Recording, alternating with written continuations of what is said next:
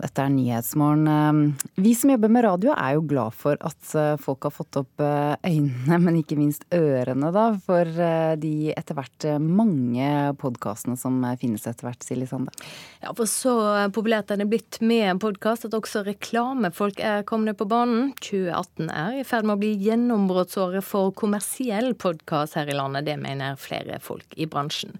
Nå er reklame på plass i flere av de mest populære podkastene. Den første mannen som sponsa oss, var en som skulle arrangere en sånn uh, høytlesning noe lyrikk nede i Kristiansand. Så han sendte 1000 kroner, altså cash, i en konvolutt og noe sånn te som han hadde laga sjøl av noe sånn utvekst på noen trær. Podkasten Krisemøte startet kanskje som en hobby, forteller Kyrre Holm Johansen.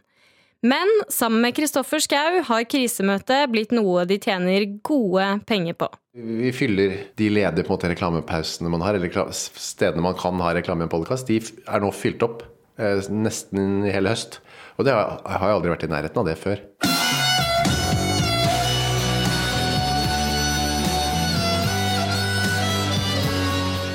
Og dette er de ikke alene om. Det ser ut til at 2018 kan bli den kommersielle podkasten sitt gjennombruddsår. Mye av inntektene til en podkast kommer fra annonsører som sponser podkastene.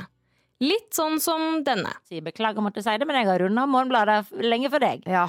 Men uh, han også liker jo, hvis Kebbelife for eksempel, som er den tegneserien inni inne i Morgenbladet, har vært litt ekstra vittig, her er det Morgenbladet som sponser Norges største podkast, Tusvik og Tønne. Det er jo mer en slags innholdsmarkedsføring, eller content marketing, hvor da de f.eks. Tusvik og Tønne snakker om Morgenbladet. Og da er det jo ekstra takknemlig fordi at uh, mottakeren liker jo Tusvik og Tønne. Og da kan de også tåle at uh, de snakker om sitt inntrykk av Morgenbladet. Dette sier kommersiell direktør i Morgenbladet, Kristin Willoch Haugen. Men med denne måten å reklamere for et produkt på, kan det være vanskelig å skille reklame fra annet innhold i podkasten, sier direktør i Forbrukertilsynet Elisabeth Lier Haugseth. Podkast og reklame der en, eh, kan være en utfordring, fordi det er jo en en prateflate hvor, eh, hvor, man bruker tiden til å snakke om et tema man er opptatt av, og som lytteren er opptatt av. Programlederne eh, snakker også om produkter de skal reklamere for. Eh, og hvis de ikke da er tydelige nok og bevisste nok på å si klart og tydelig at det er reklame, så kan det jo fort være vanskelig for lytterne å forstå at det faktisk er reklame det dreier seg om. Katinka Rondan, som er prosjektsjef for radio i produksjonsselskapet Rubicon, er positiv til utviklingen til kommersiell podkast. Og mener at det gjør det lettere å finansiere gode podkastproduksjoner i Norge enn før. Hun tror grunnen til utviklingen er tid, og at influensere har trådt inn i podkastverden. Fordi det allerede i flere år har vært naturlig for firmaer og mediebyråer å bruke penger på influensere. Så når de går inn i podkastmarkedet, så følger også pengene med dem, da. Reportere i saka Kai Andreassen og Lars Erik Ringen. Og du kan høre mer om podkastutviklinga i Kurer på P2 i morgen klokka 15.05. Da har jeg fått ukas eh, fredagspanel på plass eh, i studio, både her i Oslo og på Lillehammer. Velkommen til Katrine Aspås, forfatter og siviløkonom. Gaute Brochmann, fast arkitekturskribent i Morgenbladet. Du er med fra Lillehammer. God morgen. God morgen, god morgen. Der var du. Og Arve Juritzen, eh, forlegger. God morgen og hei. Vi skal starte med filmen som forteller historien om de dødsdømte nordmennene i Kongo. Mordene i Kongo har fått mye omtale siden planene om eh, en film ble kjente. Premieren er i dag, men eh, for et par dager siden fikk journalister og filmmeldere se filmen. VG triller terningkast to. Vi skal høre skuespiller Aksel Hennie sin første reaksjon på akkurat det. Jeg har ikke lest uh, anmeldelsen. Jeg har bare hørt at han anmelderen vanligvis uh, uh, anmelder Stjernekamp låt for låt. Så tenker jeg kanskje det ikke er riktig anmelder, jeg veit ikke. Ja, Er det smart å slå tilbake mot film- eller bokmeldere? Ja. Overhodet ikke. ja. ok, Arve. Det blir deg. Det er det dummeste du gjør. Altså, Anmelderi er det bare én måte å forholde seg på som utøver, og det er å klippe ut det gode og glemme det dårlige. Det har ikke noen annen verdi utover det. Eh, det Aksel Hennie gjør her, Nå var dette et snilt klipp. Altså, Jeg er egentlig Aksel Hennie-fan, men jeg må si at hans reaksjon på denne anmeldelsen gjorde at han ble en sutrete, fjollete, dum liten guttunge som noen hadde tatt fra lakrispipa til. Eh, så jeg syns at det var en utrolig dårlig reaksjon som dro ned filmen også helt seriøst. Altså jeg tenker at eh, det der ble litt sånn der, uinteressant. Det er eh, Nei, jeg har gått og tenkt på hva er grunnen til at vi ikke kritiserer kritikere? Det er ikke noe, egentlig noe, noe rasjonell grunn til at vi ikke skal kritisere kritikere. Og den eneste grunnen er jo egentlig frykt for, at, eh, for represalier. Og hvis vi skal gå rundt og være redd for at neste kritikken blir dårligere, så er jo ikke dette kritikk lenger. Da er det jo kamp. Og det er, det er eh, altså det der at vi ikke kritiserer kritikere, det kommer fra en tid hvor kritikerne hadde monopol på plattformen. Det har vi ikke lenger. Alle kritiserer nå. Det er jo det vi kaller, det, det, det heter jo polarisering. Når alle går rundt og kritiserer fordi alle har eh, plattform. Så jeg tror vi kommer til å se en endring der. At, eh, at, det faktisk er lov til å kritisere kritikere. For kritikere har jo vært fritt altså De har jo kunnet operere så øh, ja, som de ville. Det kan de ikke lenger. Og det er en god ting. Gaute, hvem kommer dårligst ut? Filmmelderen Henny eller selve filmen? Uh, nei, jeg tenker at det er ikke smart i den forstand at han driver god PR for filmen, eller noe sånt, men Aksel Hennie er jo en uh, emosjonell fyr. En veldig god skuespiller. Ikke alltid det han sier i offentligheten er like smart, men at han her på en måte lever ut ut sin kunstnerpersonlighet og slår litt sånn sleivete tilbake mot en anmelder han er litt sur på, det tenker jeg er helt OK i det offentlige ordskiftet. Det er ikke smart, men det er ikke dumt heller. Jeg syns det er dumt, men det vi trenger er absolutt en debatt rundt anmelderiet. Altså Det som er det store problemet nå, er jo at uh, alt skal anmeldes før det er utgitt. Eh, altså Anmelderne får bare noen få minutter på seg til å lese en bok på 300 sider, og så skal de anmelde den. Eh, filmer har man knapt altså Denne, denne anmeldelsen her ble vel lagt ut da sånn fem minutter etter filmen var sett. Eh, så det er klart dette med, med dagens tidstyranni gjør jo at anmelderiet syns jeg måtte gå i oppløsning. da. Det får ikke noe verdi lenger. Men kan Henny sin reaksjon være med på å gi mer oppmerksomhet til terningkast to? Nei, det tror jeg ikke. Vi må ha en helt annen debatt rundt det. Og ikke minst hvems, hvilke bøker og filmer skal anmeldes. Sånn som nå ser vi jo at sant, alt som er superpopulært, og som alle allerede vet om, blir anmeldt eh, når det gjelder bøker, mens de kanskje nye, viktige stemmene får bli borte. Så jeg tror vi må ha en helt annen debatt rundt det. Mm. Flere av dere har jo skrevet bøker. Jeg fant et uh, sitat fra Aftenposten. Alt det Katrine Aspaas sier, står allerede å lese hos Alf Prøysen. Hvordan er det å få en Det er jo helt fantastisk. Ja, det ja, det var egentlig sånn, ja, for Jeg husker den anmeldelsen. Det var Raushetens tid. Det. det var egentlig sånn jeg, jeg, valgte å lese den. Dette her har Alf Prøysen sagt før. Det er bare det at Katrine Aspaas sier det bedre. Eh, en annen melder har også fått tyn denne veka, nemlig Dagbladet sin bokmelder Katrine Krøger. Politisk redaktør i Klassekampen, Bjørgulv Brånen, skylder hun for mobbing etter at hun ga boka til prinsesse Märtha Louise terningkast 1. Hva mener det? Er det mobbing, eller er det modig? Altså, jeg har sittet i studio med den dama her tidligere, så alle som har hørt det, vet jo at hun er en mobber. Det er veldig interessant. Eh, jeg, jeg, eh, har interessert meg for Katrine Krøger. Altså, kritikere er jo spennende. Og Katrine Krøger har jo nå på, eh, i det siste utdannet seg til sykepleier. Og hun har sagt helt klart ifra at det gjør jeg fordi at jeg ønsker en snill jobb. Jeg har en slem jobb. Jeg har hatt en slem jobb i 35 år, og nå ønsker jeg å gjøre noe snilt. Så hun har liksom delt livet sitt i to. En slem og en snill. Og da er spørsmålet er det en kritikers jobb å være slem? Selvfølgelig ikke. Det er jo ikke Hun har misforstått, men det har vi jo skjønt lenge. Men, men, men nå er jo ikke Katrine Krøger i studio, men, men vi, snakker om, vi, snakker om, arbeidet. Vi må skille Jo, men altså, det, og jeg, er, jeg tror at vi uh, Hva skal jeg si Det gamle, det gamle anmeleri 1.0, da det var litt sånn Ja, nå skal jeg jaggu steike meg ta og slakte dem. Altså, det, det, var litt sånn aggressivt. For den, den anmeldelsen av boka til Märtha og Elisabeth er jo direkte aggressiv.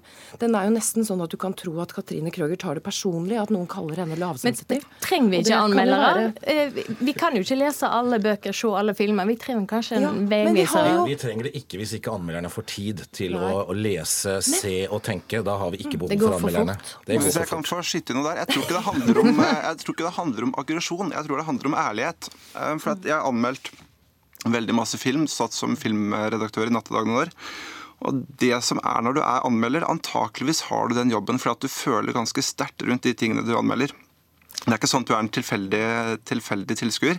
Og da tenker jeg at det at man får lov til å bare fyre av, være mer spissformulert enn det alle andre er, og så tydeliggjøre ting gjennom det, det er helt ålreit, og det skal man tåle uten at det blir en sånn der krenke- eller Absolutt, mobbedebatt rundt det. Kritikerne må også tåle kritikk.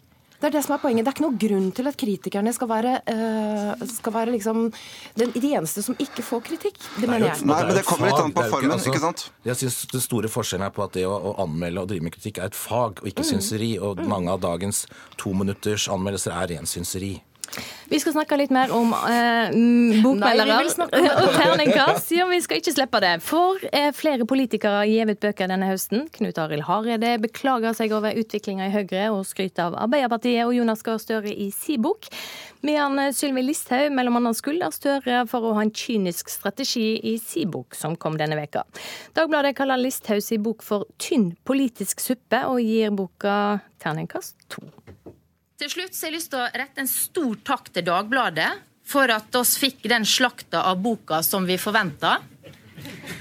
Det betyr at vi har truffet rett. Fordi at boka er ikke skrevet for media og journalister. Boka er skrevet for folk flest. Ja, Er politikerne nødt til å skrive bøker for å få fram sin versjon av sannheten? Vi starter med deg, Arve. Det er du som gir ut boka til Per Sandberg. eh, Er du spent på svaret nå? ja, de må det faktisk for å komme gjennom hele budskapet sitt. Nei. Ja. Ja, hvorfor det, Gaute Brochmann? Eh, Jeg vil vel generelt sett si at i dagens medielandskap så er det veldig vanskelig å ikke heie på bøker uansett form. Eh, Og det at noen eh, sitter seg ned, tenker lenge over ting og formulerer litt lengre tanker, det er helt suverent, og så kan man velge om man vil lese dem eller ikke. Og hvis ikke, så gjør Magnus Takvam eller Lars, Lars Nehru Sand jobben for oss. Så det lever jeg helt godt med. Jeg svarte jo nei her. Eh, Jeg kan godt forstå at de gjør det, men det å, og det, er, eh, det, er, eh, det å skrive en bok er jo et stort stykke arbeid, så det tar jo lang tid. Jeg forstår behovet for å forklare. De trenger det ikke, fordi alle har en plattform. Du ser jo hvor utrolig god Twitter-plattformen er for Donald Trump. Han har ikke skrevet en bok, han styrer jo verden gjennom Jo da, han har- jo, da, jo, jo. Men, men du, de har, du har fullt mulighet til å benytte deg av andre plattformer.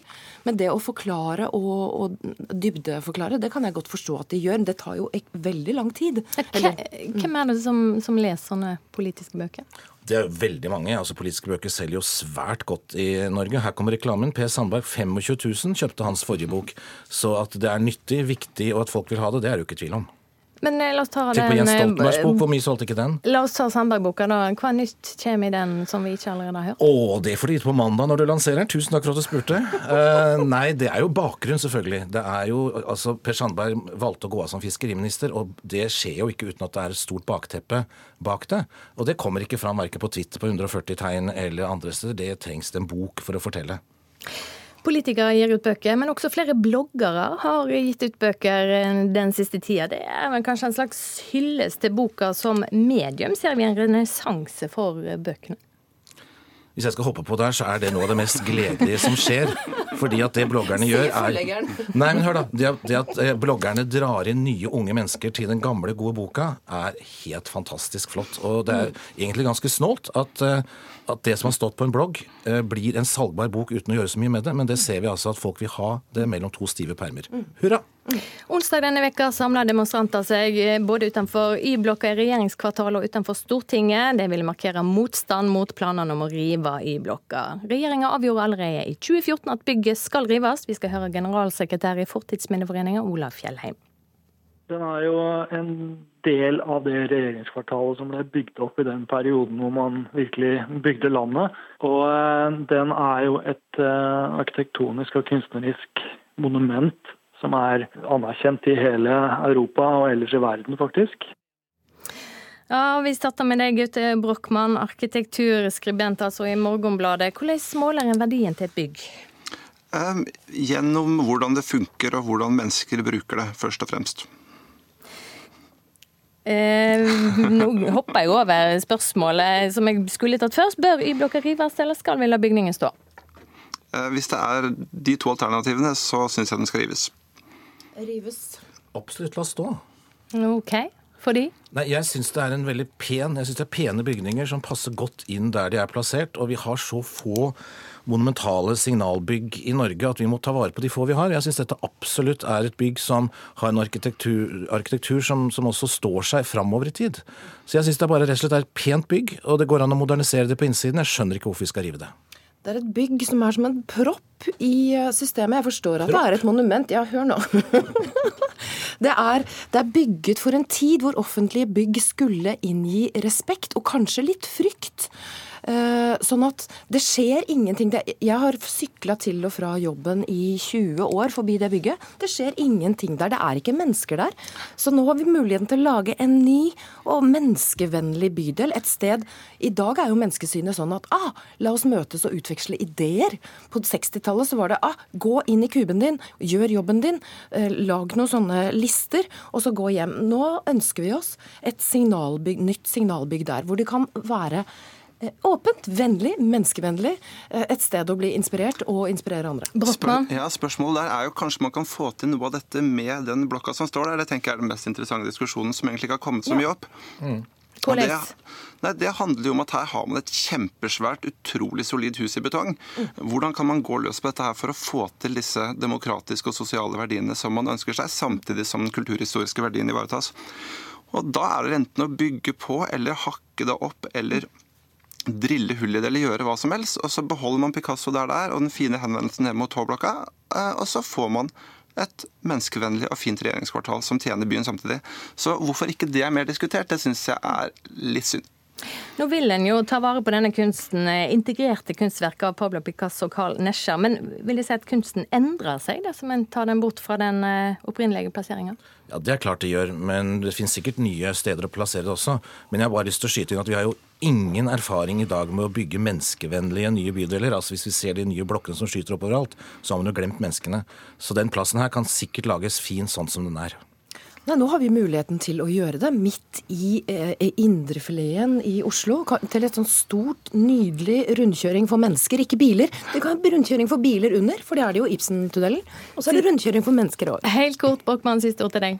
Ja, jeg syns vi har begynt å bygge ganske fine bydeler i Oslo. Vulkan er fin, masse nede i Fjordbyen er fin. Nå går det an å bygge videre på dette her på et av de flotteste husene vi har i, i sentrum. Og da syns jeg man skal forsøke å få til det før man river den ned. Tusen takk for at dere kom i studio. Katrine Aspaas, Gaute Brochmann med fra Lillehammer og Arve Juritzen.